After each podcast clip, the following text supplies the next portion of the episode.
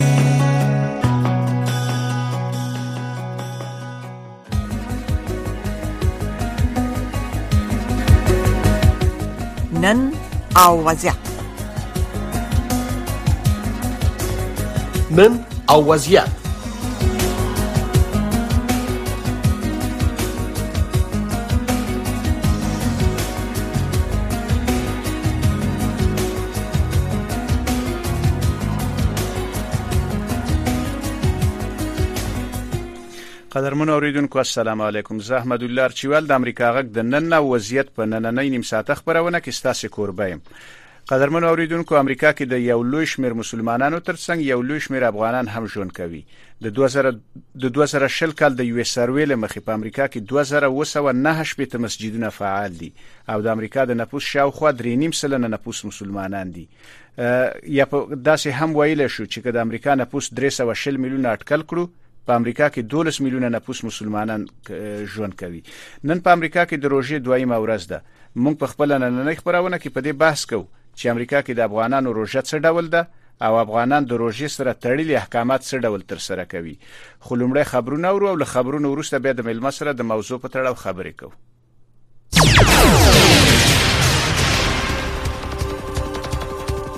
السلام علیکم درنو ریدونکو ستړي مشي زه زیبا خادم یم دا د امریکا غږ آشنا رادیو خبرونه ده د نړۍ د دې ساعت خبرونو ته اساسه پام را اړوم بیګا د امریکا د متحده ایالاتو په کانګرس کې د افغانستان د مسلې په حق له خبرې شوې دي د امریکا د متحده ایالاتو د ولسی جرګې د خارجي چارو د جرګګۍ رئیس مايکل مکال د بارنیو چارو د وزیر انټونی بلینکن نغوښتي دي چې په 2021م کال کې د افغانستان نه د امریکایي قواو د یو دم ایستلو په حق له اسناد برابر کړي مکال ویل د افغانستان نه دغه فاجعه امیز وتل امریکا ضعیف او خوده او د روسیې جمهور رئیس ولادیمیر پوتین ته قوت ورکړو چې په اوکراین يرغل وکړي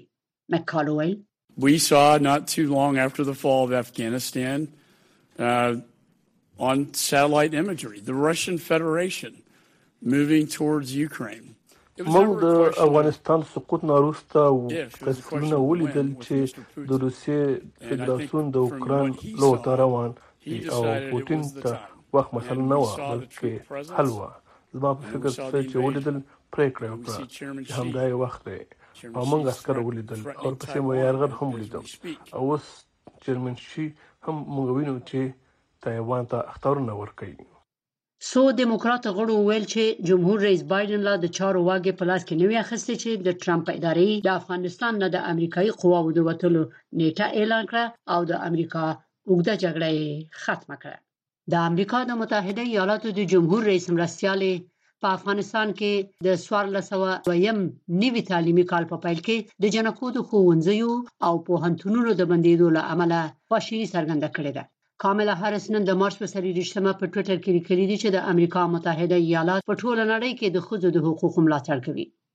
طالبانو په افغانستان کې د واکمنېدو نه وروسته د شپږم ټولګي نه پورته د نجونو ښوونځي تر امر ثاني پورې ځنډولي او همدارنګه یې په پوهنتونونو کې هم جنکۍ د تحصیل نه منع کړې دي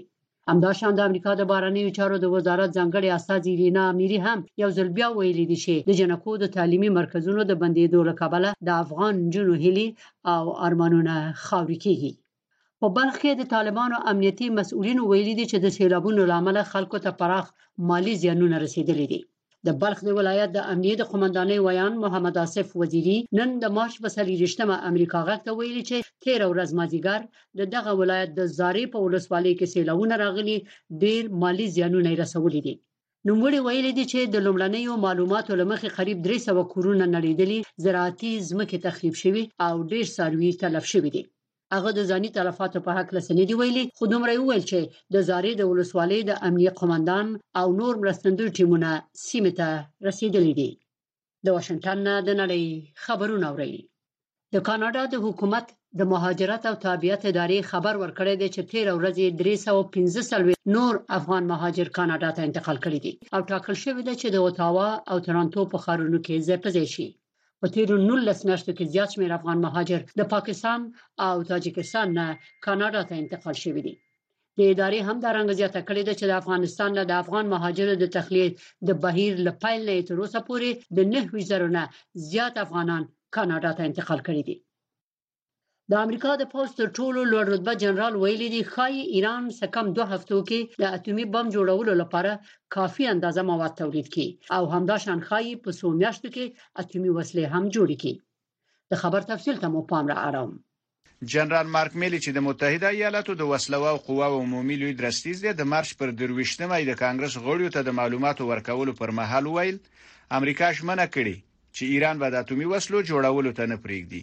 جنرال میلي زیاته کړه چې ایران هر وخت د اتومي وسلو د جوړولو پریکړه وکړه د متحده ایالاتو پوځ د ملي مشرتابه لپاره ګڼ شمېر انتخابونه د غور لپاره ترتیب کړي همداشان د امریکا د متحده ایالاتو د دفاع وزارت مرستیال 13 میاشت ویلي که ایران د اتومي وسلو جوړولو پرېکړه وکړي، د موادو د تولیدولو لپاره به ښايي دولس ورځې وخت ته اړتیا ولري. احمدالله ارچیوال، اشنا راډیو، واشنګټن. د امریکا د مرکزي قوماندانۍ عمومي قوماندان جنرال مایکل کورېلا وايي، د تېر کال په نسبت سږ کال په افغانستان کې د داعش د وسلهوالو شمېر زیات شوی دی. کورلا پرون د استازو د جرګګۍ د وسلوالو قواو د کمیټې په استماعي غونډه کې وویل چې اوس په افغانستان کې د داعش د وسلوالو شمیر 2250 تنو ته رسیدي هغه که څه هم دا یو ګواښ وباله خو زیاته یې کړه مونږ وینو چې اصلي ګواښ د الصادق له څنګه پیښ دی چې له افغانستان نه بهر فعالیت کوي مګر په افغانستان کې هم وسلوال لري د طالبانو ویاند ذبیح الله مجاهد د دې څرګندونو په حقله د ازادي راډیو پوښتنې ته ځواب نه دی ورکړی خو مخکې یې ویلي و چې داعش په افغانستان کې دومره فعال او قوي حضور نه لري د سعودي عربستان د بارنیو چارو وزارت یو چارواکي د پنځشنبه په ورځ ویل ریاض د قونسلي خدماتو د بیا پیلولو لپاره د دمشق سره خبرې پیل کړې دي یوې بلې سرچینې د رویټرز خبري اژانس ته ویلي دي چې سعودي او سوریه په دې غور کوي چې د کوچني اختر نه وروسته خپلې دیپلوماتیکې نمایندګۍ پرانیزي د اوکراین جمهور رئیس ولادیمیر زیلینسکي د اروپאי رهبرانو نه غوښتي دي چې اوکراین ته د اوږدو واټن میزایلو او جټ الوتکو په شمول د وسلو اکمالات زیات کړي هغه پرون د خرسون ښار جنوبي برخه ته د سفر نه روسته د خبره کړې ده زیلنسکي پرون په یو ویډیويي پیغام کې ویلي دي چې د اوګدو واټن میزایلو او جنگي الوتکو په لیکدولو کې خند او زند د جګړې د پراخېدو سبب کیږي او د برتانیې پولیسو یو 28 کلن سړی په دې تور نیولې دی چې دوه سپینګیرو ته یې چې د جماعت نه راوتلی وو اور اچولې دی پولیسو د تورن کس نوم محمد ابکر خودلې او د مرکزی انګلند د برمنګهام اوسېدونکی دی. زیبا خادم امریکا غږ واشنگتن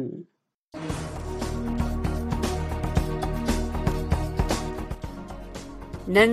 او وضعیت نن او وضعیت د نړۍ سیمه او افغانستان پر روانو چارو او د نن په وضعیت خبرونه رپورټونه مرکه او تحلیلونه هر شپه په 9 بجې د امریکا غږ آشنا رادیو نه واوري به هم ستړي مشي لکه څنګه چې مو ویل موږ په خپل نننۍ خبرونه کې په دې بحث کوو چې امریکا کې مسلمانان او په ځانګړي توګه د افغانان روژه څه ډول د افغانان روژه څه ډول ده او دلته افغانان د روژې سره تړلي مراسم څه ډول تر سره کوي په خبرونه کې را سره د امریکا د کالیفورنیا ایالت څخه خاغلی ولی ملکزی صاحب ملمه دی ملکزی صاحب خبرونه ته بخیر راغلی مننه ملکزی صاحب روژه څنګه تیریږي روژه خو ډیره ښه تیریږي او سکل خو د نوې کال او روژه دواړه د سهار غړي راغلل او بل دا چې په کالیفورنیا کې تقریبا د دوه میاشتو راځي د وقفي باران لري نو هوا سړه ده او ورځې هم لنډې دي ډیره ښه تیریږي او بل دا دی چې سکل د اول ځل لپاره په اسلامي نړۍ کې شاید د پاکستان اقتصادي ستونزې او د سعودي او د ایران نږدې کتي لامل شوی د دوه دریو ملکونو نظر په ټوله اسلامي نړۍ کې اول ځل اتفاقی روزه راغله چې دا یو بل خواله د مثبت مثبت نه خره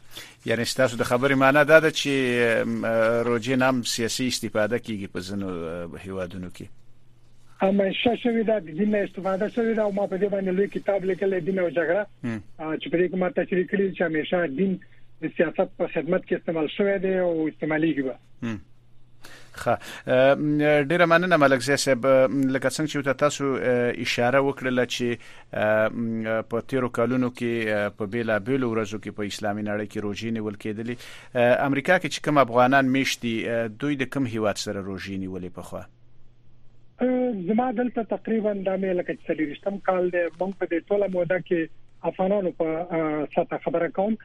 موږ همیشه د سعودي د حکومت یا د شاهي قصر په اعلان نیولې او دا غي باندې مو روزه ما تکړه او روزه مو نیولې ده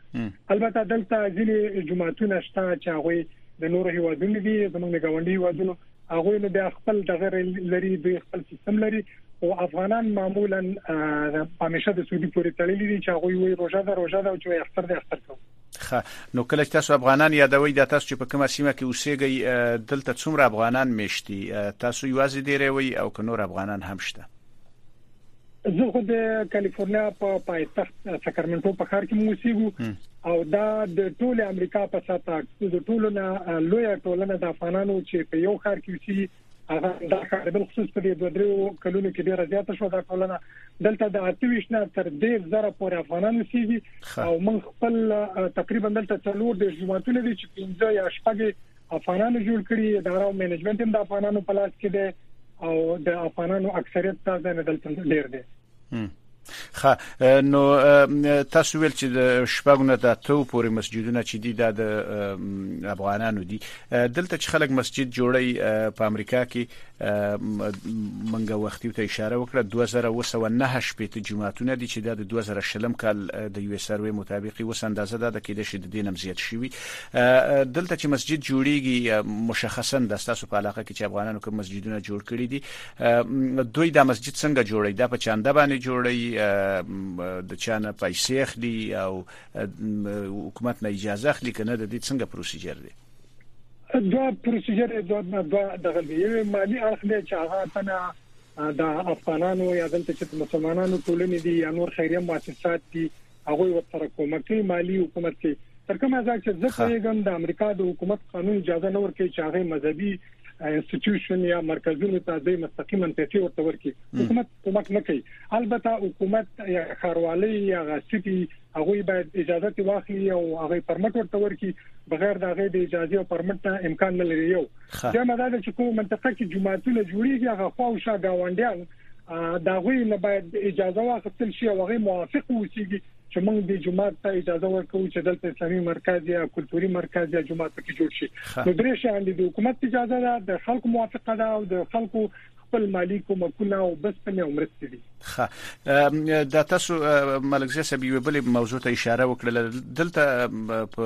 واشنگټن ډي سي کې هم مسجدونه شته دي دې مسجدونو کې نه یوازې دا چې خلک لمونځونه کوي بلکې دا یو قسم هغه یو ټولنیز مرکزونه دي او د ټولنیز مرکزونو نه علاوه یو قسم علمي مرکزونه هم دي دا تاسو چې کوم مسجدونه یاد کړل کوم چې د افغانانو سره تړاو لري تاسو په سیمه کې دا څه ډول مسجدونه دي آیا یوازې خلک هلته لمونځ کوي او کنه نور ټولنیز او علمي موضوعات پکې هم تر سره کیږي لکه څنګه چې تاسو په ختیځ برخه کې ختیځه برخه کې واشنگټن مو یاد په عین شکل باندې دلته موږ په کالیفورنیا کې هم زموږ جماعتونه یوازې د سجدو او د رکعاتونو د منځونو مرکزونه خو دي د دې ترڅنګ د دلته فرهنګي کلتوري مرکزونه موږ لرو غونډې کې حتی حلونه لري په څنګه کې د ټالرونو ورسره جوړ شوی دي هغه بیا په ودونو کې کېږي د فاتحه مراسم کې نیول کېږي په څنګ کې بیا جمنازیمونه واړه واړه جوړ شوي دي د سپورتي لوبو لپاره ځینې مرکزونه ورته جوړ شوي دي نو یوازې جماعتونه نه دي بلکې دا هم جماعتونه دي هم کلتوري مرکزونه دي هم د ودونو حالونه تالارونه دي او هم د فاتحو او د کتابخانو ځایونه دي خه ملکزی صاحب په افغانستان کې روجي د روجو پر مهال تراوی د خلکو لپاره یو ډیره مهمه برخه و د روجي او ډیر خلک به تراو د پاره مسجدونو ته راتلل دلته څه حالت دی دلته تاسو چې کوم مسجدونو مسجد ته ورځي آلته هم خلک افغانان تراو ته ماغه شان په لوی تعداد کې راځي او کنه محدود خلک راځي تراو ته تر کومه ځای چې زه خپل ګورم ډیر زیات علاقه لري خلک دا د شپې زمونږ وشو د خپل الته چې تاو ته لاړم او ختم شروع کیږي دا زمونږ د جماعت امام د الازهر د مرکز نه یا د پانتون نه د پی ایچ ډي په سطح باندې فارغ شوی شخصیت دی او نو او زمونږ امام هم د کونړ یو حافظ دی چې نو تازه راغلی څو میاشتې مخکې نو دلته ډیر زیات خلک راځي خلک له ځان سره ماشومان راولي او زه باید د یو ځلې اعتراف باید وکم چې د غنی ځوانان یا کډوال چې راغلي دي د کال دوه کې دوی ترغه چې په خو راغلي لکه مونږ ولې زمونږ ډیر تکلیف دي خپل ماشومان د غلمسیان بچان لزان سره راولي همیشه جماعتونه ډیر ډکی کله کله د سی چې حتی بار په نورو هغه څنګه چې ملحقه کوم تلرونه دی په وګړو ته ځینې نسی بل خصوص کوم ځکه قاریان ډیر تکړه یا خوازونه لري کثرت کوي نو دلته ډیر زیات جمع جوش دل کېږي او دا یو د خوشحالي خبره ده او بل خصوص دا تکرار نیم چې دا نوی خلک چې راغلي دي د ډیر زیات د دې جذبه او احساس د نورو په شان ته د دې قدر وړ دی ملکزی صاحب تاسو کوچنیان ته اشاره وکړه ما غوښتل چې دغه پوښتنه وکړم خو تاسو جواب کړل دلته په ځینې مسجدونو کې غټ مسجدونه چې دي الته د زنانو د پاره ځان له برخې جوړ شوی او زنانه هم لمونځ کوي تاسو په مسجدونو کې دغه رقم سہولیت شته زنانه راځي تر او ته او نور المنزونه ته او کنه راځي تر او تر راځي د میرمنې راځي ځوان انجونې راځي د پانسونونو کالجونو البته دا باید ویم چې د افغانانو په جماعتونو کې د خزو تعداد نسبت د عربان د ادارې لاندې جماعتونو په نسبت باندې کم رنګ دي خو دا د چې ماشومان راځي خزي راځي او بل دا تاسو د پښتنې په جواب کې باید ویم چې بلې زمونږ په دغه څو جماعت چې دي دا هم د مرمنو لپاره جلا دی نه لري او په منځ کې پردي دي او حتی په څنګ کې غټ دیوال یا بل جلا سالون لري او بیا د غټ سکرین یا د کمپیوټر تلویزیون د دغه د لارې د امام ګوري او التا د دغه سره دغه کوي په شاري کې باندې ورسره تراوی او ختم ورسره کوي خه ملکزی صاحب تاسو خامخه کوم دفتر یو دفتر کې کار کوي یو دلته اکثریت افغانان په دفترونو کې کار کوي په دفترونو کې د دې ځای اوسیدونکي او نور خلک چې هغه مسلمانان نه ښه هغه روزه نه نیسي دغه د دفتر همکاران د ستاسو یا هغه افغانان یا مسلمانان چې هغه روزه نیسي دا غوسره د روزي په میاشت کې څه ډول چلن کوي اجازه راکړه مخکې دې چې دې سوال ته جواب ورکړم زه یو خاطر درته وایم زه په کله چې خلقانو پرچمیانو یا کمونستانو کو دتا او پلازو په دولسم سنت کې ومه نو زما ښه په یاد دي چې په هغه وخت کې د زمونږ دین استادانو یا غد ګوند کې چې د دوی څوک ملګری بو دوی به ښکارا روزي به خوړلې او حتی د ځوانان منګه به غواخلو او هڅولو به چې لږ سره پکې شریک شو مګر برخلاف دلته زه په یوې تعلیمي ادارې کې کار کوم هغه کوم چې معلمان دي اداري پرسونل دي موږ یو شپږو یا تک کسانی تر لاسو پورې د مسلمانانو عربانو افغانان دي موږ چې کله دغه کو دوی حتی نه تنها چې موږ په مخ کې ډوډۍ نه خوري بلکې دوی زموږ په کله چې د دې شوبو ته ورشو یا موږ ته راشي هغه د کافي یا د وبو ګلاس هم په لاس کې نیولای دا یو زموږ دا ده چې پروسه کال زموږ په دفتر کې دوه مېرمنو ځوانو مېرمنو هغه زموږ سره د همبستګۍ یا د همغږۍ یا خوخوږي هر نوم چې ورته وایي د په عنوان باندې هغه تر تر ماقامه روزه ونیوله نو موږ ورته ویل چې تاسو په دې باور نه لرئ ولې کوي وینا موږ غواړو چې دا موږ لپاره یو تجربه هم شي او په ځمن کې موږ غواړو چې تاسو سره همغږي او د خوښي وشو چې تاسو څومره مهربان یاست زموږ سره په دفتر کې کار کوي نو دلته احساس د خلکو ډیر قدر دی او هیڅ کله د کوم حرکت ما شخصا نه لیدل چې هغه زمونږ د دینی مراسمو یا دغه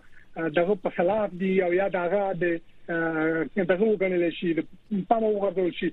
د خلکو کې دغه یو د غشته د یو مثبت او خمالي دل دی همیشه زمنګ د اقدار او درځتونو قدر کوي خه ملک زیاس تاسو خو په دفتر کې خپل همکارانو ته اشاره وکړه له عادي امریکایانو یا هغه خلک چې تاسو ورسره مخامخ کیږئ په بازار کې یا په نورو ځایونو کې هغوی د روجې په وړاندې تاسو چې روجه نیولې هغوی چلند سره رقم دي قدرمن اوریدونکو زمنګ ملما لیکه قطه شوله بیرته به ملکزی صاحب راشي زمنګ همکار کوشش کوي چې ملکزی صاحب راشي خبرونه ته لکه څنګه چې تمه اشاره وکړه زمنګ موضوع په امریکا کې د مسلمانانو او په ځانګړي توګه د افغانانو لخوا د روژې او د روژې سره تړلي مراسمو په اړه ده په دې باندې خبرې کوو چې دلته په امریکا کې افغانان روجه سره رقم نسی د منځونو سیستم سره رقم دی د تراو ختمونو سیستم سره رقم دی نو ملکزی صاحب زمنګ سره په خبرونه کې او ټلیفون قطع شو خو خوشبختانه بیرته راغی ملکزی صاحب مهرباني زما پوښتنه دا و چې تاسو خود خپل همکارانو خبره وکړه که عادي خلکو ته راشو، تاسو په بازار کې یا په موټر کې یا په بل ځای کې که د عادي خلکو سره مخامخ شئ او هغه په دې باندې پوه شي چې تاسو روژه یوئ،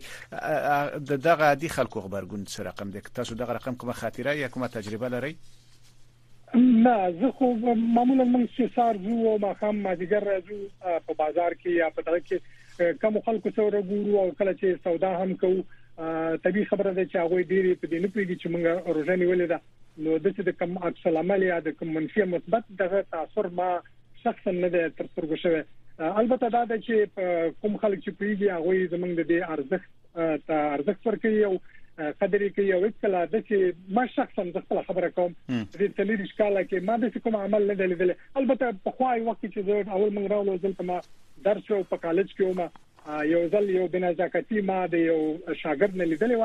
هغه وایي چې دا تاسو څه شي کوي مګر دا تقریبا نو دویش یا یوش کال په خبره د په کالج کې ومه مګر تر هغه نه روسته ما هیڅ کله د څه کوم منفي تاثر د چانه نه دی لیدل زه باید دا وایم خه بل موضوع ملکزی صاحب تاسو پوهیږئ چې په افغانستان کې خو زمونږ او ستاسو خلک د بیلابیلو مسلکونو سره تړاو لري په اسلام کې دننه هم دلته هم مسلمانان په بیلابیلو مسلکونو باندې ویشل شوي دي دغه جماعتونه چې کوم دي په دغه کې د بیلابیلو مسلکونو خلک یو ځای راټولېږي او کنه د هر مسلک د خلکو مثلا د اهل حدیثو خپل جماعت دی او د نورو خپل جماعتونه دي کنه دوی په یو جماعت کې راټولېږي دا یو د ډیرو مثبت او د د د ډاډ او د سکون خبره هم ده چې دلته چې ما ارزو کو تلور د جماعتونو شاوخوا چې موږ دلته لرو کې د ښار کې سکرمنټو کې ما هیڅ کله هم د څه احساس نه دی کړی که څوک امین په زور باندې وایي که څوک لاسونه پورته کوي کې نه کوي پنسي د چاجګي د کښته دي که څوک دغه څنګه څنګه دريږي یا سره کم دريږي دا ما د څه احساس نه دی کړی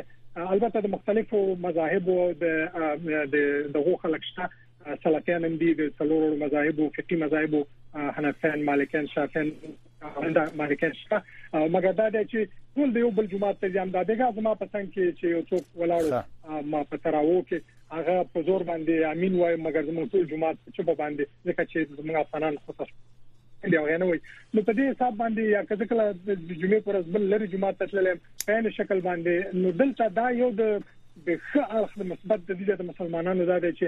خپل منځ کې هغهږي همغږي برداشت او اداري او هغه یو بل منل دا دلته په دې خلکو کې دا یو مثبت اړخ دی او د نیک مرغه چې ما دغه د مذهبي اختلافاتو که چا سره به وي هم په جماعتونو کې په علني شکل په ظاهري شکل څوک نه مطرح کوي ښه ملک زیه صاحب یو بل موضوع اگر چې لګ د موضوع نه بهر وځو خو بیا هغه زمونږ استاسي د اسلامي احکاماتو سره تړلې موضوع ده هغه د جنازې ده دلته چې خلک کله وفات شي نو په همدغه مسجدونو کې جنازه کیږي او کنه د جنازې ترتیبات څه ډول وي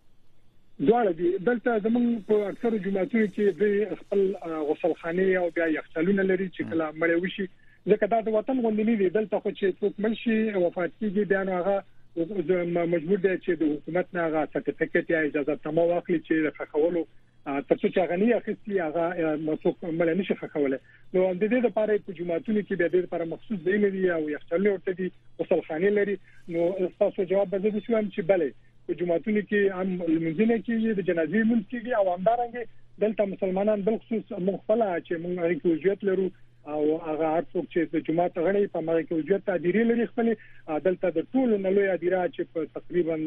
ساکرمنټو په شمالي کالیفورنیا کې ودا غټنه ده دلته دا د موږ دغه پیسې ورکو بیا هلته په حاضرې کې خپل یو بل جماعت لري او غسلخانه لري او یخچال هم لري ډیر لوی چې هغه کې ملي ساتل کیږي تر څو چې سرټیفیکټ اجازه نامه د دولت نه واخلي او خشي نو هم په جماعت کې کیږي هم په ډیرکټ کې دي سہولتونه او اسانتیاوې شته ډیره مننه ملک زی صاحب ملک زی صاحب لکه څنګه چې تاسو په خپويږئ چې روجه صبر او د نور سره د همدردۍ میاشته په افغانستان کې خلک د سخت بشري ناورین سره مخ دي او په میلیونونو خلک لوګي زوريږي خلک ډوډۍ نه لري په دې میاشت کې خلکو د ډیرو مرستو ضرورت دي تاسو په سیمه کې دغسې کوم افغانان شته چې دغه ډول فعالیتونه کوي چې پیسې راټولوي او افغانستان ته د افغانانو سره د مرستو لپاره لیږي که نه انفرادي او که ټولنیز دغسې کوم څه شی شته؟ یقینا تا ډېرې ښې نقطې ته اشاره وکړه زه په دې باور یم چې دا روژه د یو کلک هوډ د یو عزم د رحمت د ایثار د خواخوږۍ او د تمرین او د مشق میاشت او په دې کې کې په انفرادي لحاظ باندې دي او په اجتماعي او ټولیز ټولنیز لحاظ باندې دي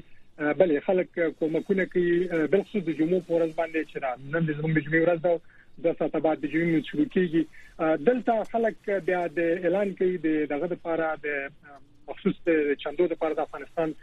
د خلکو لپاره او الترشتيام چې اړین او محتاج خلک به خېډیر شوی دي متاسفانه د نو څوک په شخصي او انفرادي شکل باندې باندې کوي او څوک دا دي چې د عدالت ځینې خیریه مؤسسې دي چې هغه ته راټولي او بیا هغه یو نمائنده لیږي او الته هغه باندې ځینې خلک دي چې الته ځینې مؤسسات شته چې هغه ډاډمن نه او اعتمادي باوري خلک دي د دې ځنه پیسې راځم چې هغه ته ولېږي البته دا یو نقطه باید زه اشاره ورته وکم چې دغه د پیسو لګل هم یو خو یو لیمیټیشن یا یو حد او حدود لري یو کوم مشکل دا دی او دیم دا دی چې د سینې شي چې په غلطو خلکو لاس ورنشي نو په دې کې ډیر احتیاط پکار دی چې څوک زما आवाज دلته اوري یا په نور ځایونو کې باید په دې کې ډیر محتاط اوسېږي دا سیده چې دا د رحمت او د د خواخوږي میاشت او د رحمت د الله تعالی د فضل میاشت ده د زکات او د خیرات او د اعتکاف د قران د نزول میاشت ده مګر د ترڅنګ به ډیر محتاط اوسېږي چې دا پیسې چاته په سره خملېږي ترڅو چې پاینده کې کوم دغه مشکل سره مخ نشي د کې باید سره ډیر دغه وکي ولې زه زه د ټولو نه زه د امزان تم نور په د بزما د هیله وی چې څومره چې کولای شو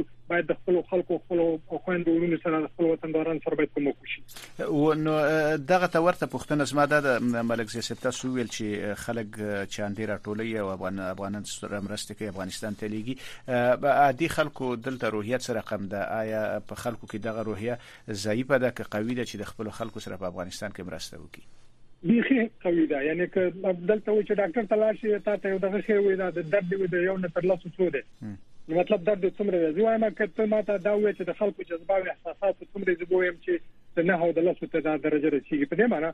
چې دار چالتي او فامیل شزه شخصا مثلا زما کګل تګلیک وخت یې ډېر او زما خپلوان ځینی فامیل آلتا غړي لرم او نور خپلوان لرم همدا چې ته همدا احمد محمود ټول موږ لرونو د خلکو سره دغه احساس ډېر عالی دی ډېر قابل قدر دی او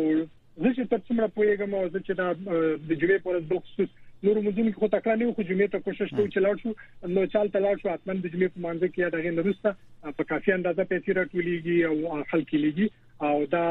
د باید یو کې دا زمونږ هم دینی واجبہ ده ملي ده هم انساني ده او هم زمونږ د نیچر یا زمونږ د عاطفه او طبيعت د دې سره اخته شوې ده چې باید د مسلمان نه مسلمان بار هر انسان سره چې په درد او کړاو کې هغه ته باید لاس ورکړي ځکه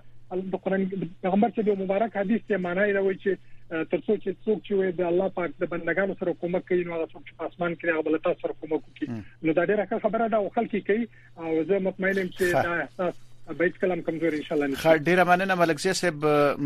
اختر ته خو ورځ شته خو به هم ان شاء الله کوشش به مونږ وکړو چې تاسو په هغه وخت کې ملمانو کو خو